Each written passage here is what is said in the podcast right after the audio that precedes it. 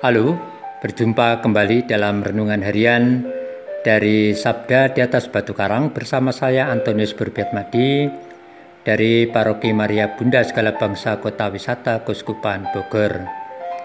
Saudara-saudari yang terkasih, hari ini Rabu tanggal 10 November adalah hari pekan biasa ke-32. Gereja hari ini memperingati Santo Leo Agung, Paus, dan Santo Andreas Avellino, seorang pengaku iman. Tema renungan kita hari ini, selalulah bersyukur, yang terinspirasi dari bacaan kitab suci hari ini. Bacaan pertama diambil dari kitab kebijaksanaan, pasal 6 ayat 1 sampai 11 dan Injil suci dari Injil Lukas pasal 17 ayat 11 sampai 19 yang demikian bunyinya. Dalam perjalanannya ke Yerusalem, Yesus menyusur perkotaan Samaria dan Galilea. Ketika ia memasuki suatu desa, datanglah sepuluh orang kusta menemui dia. Mereka tinggal berdiri agak jauh dan berteriak, Yesus, Guru, kasihanilah kami. Yesus selalu memandang mereka dan berkata, Pergilah, perlihatkanlah dirimu kepada para imam. Dan sementara dalam perjalanan mereka menjadi tahir.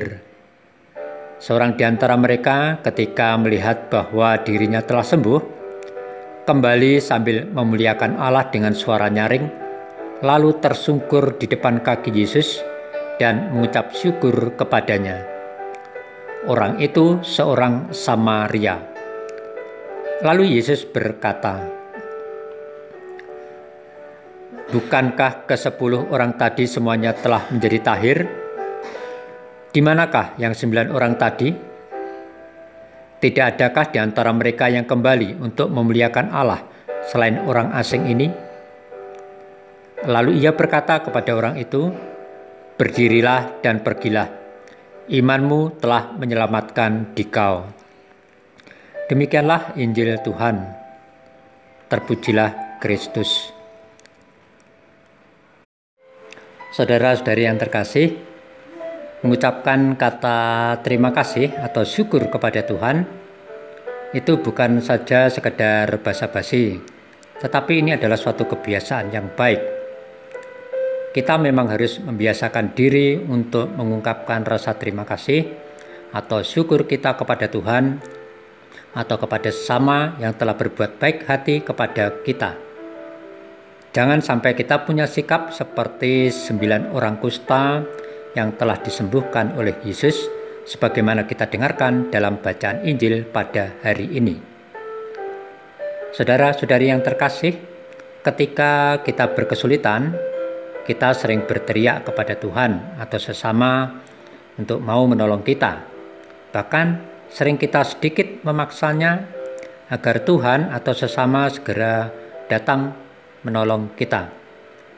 Tetapi setelah kita dibantunya, kita mungkin seperti sembilan orang kusta itu yang sering lupa untuk berterima kasih atas kebaikan atau berbagai berkat yang telah Tuhan berikan kepada kita setiap hari.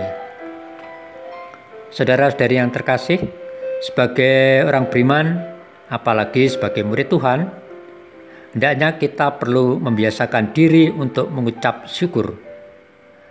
Kebiasaan mengucap syukur itu tidak hanya untuk mengingat akan kebaikan Tuhan atau sesama, tetapi juga untuk mempererat relasi iman kita dengan Tuhan dan persaudaraan kita dengan sesama. Semoga dengan bimbingan Roh Kudus kita selalu mampu dan mau untuk mengucap syukur dalam segala hal. Ya Yesus, semoga aku selalu mampu mengucap syukur atas segala anugerahmu dan kebaikan dari sesamaku. Amin.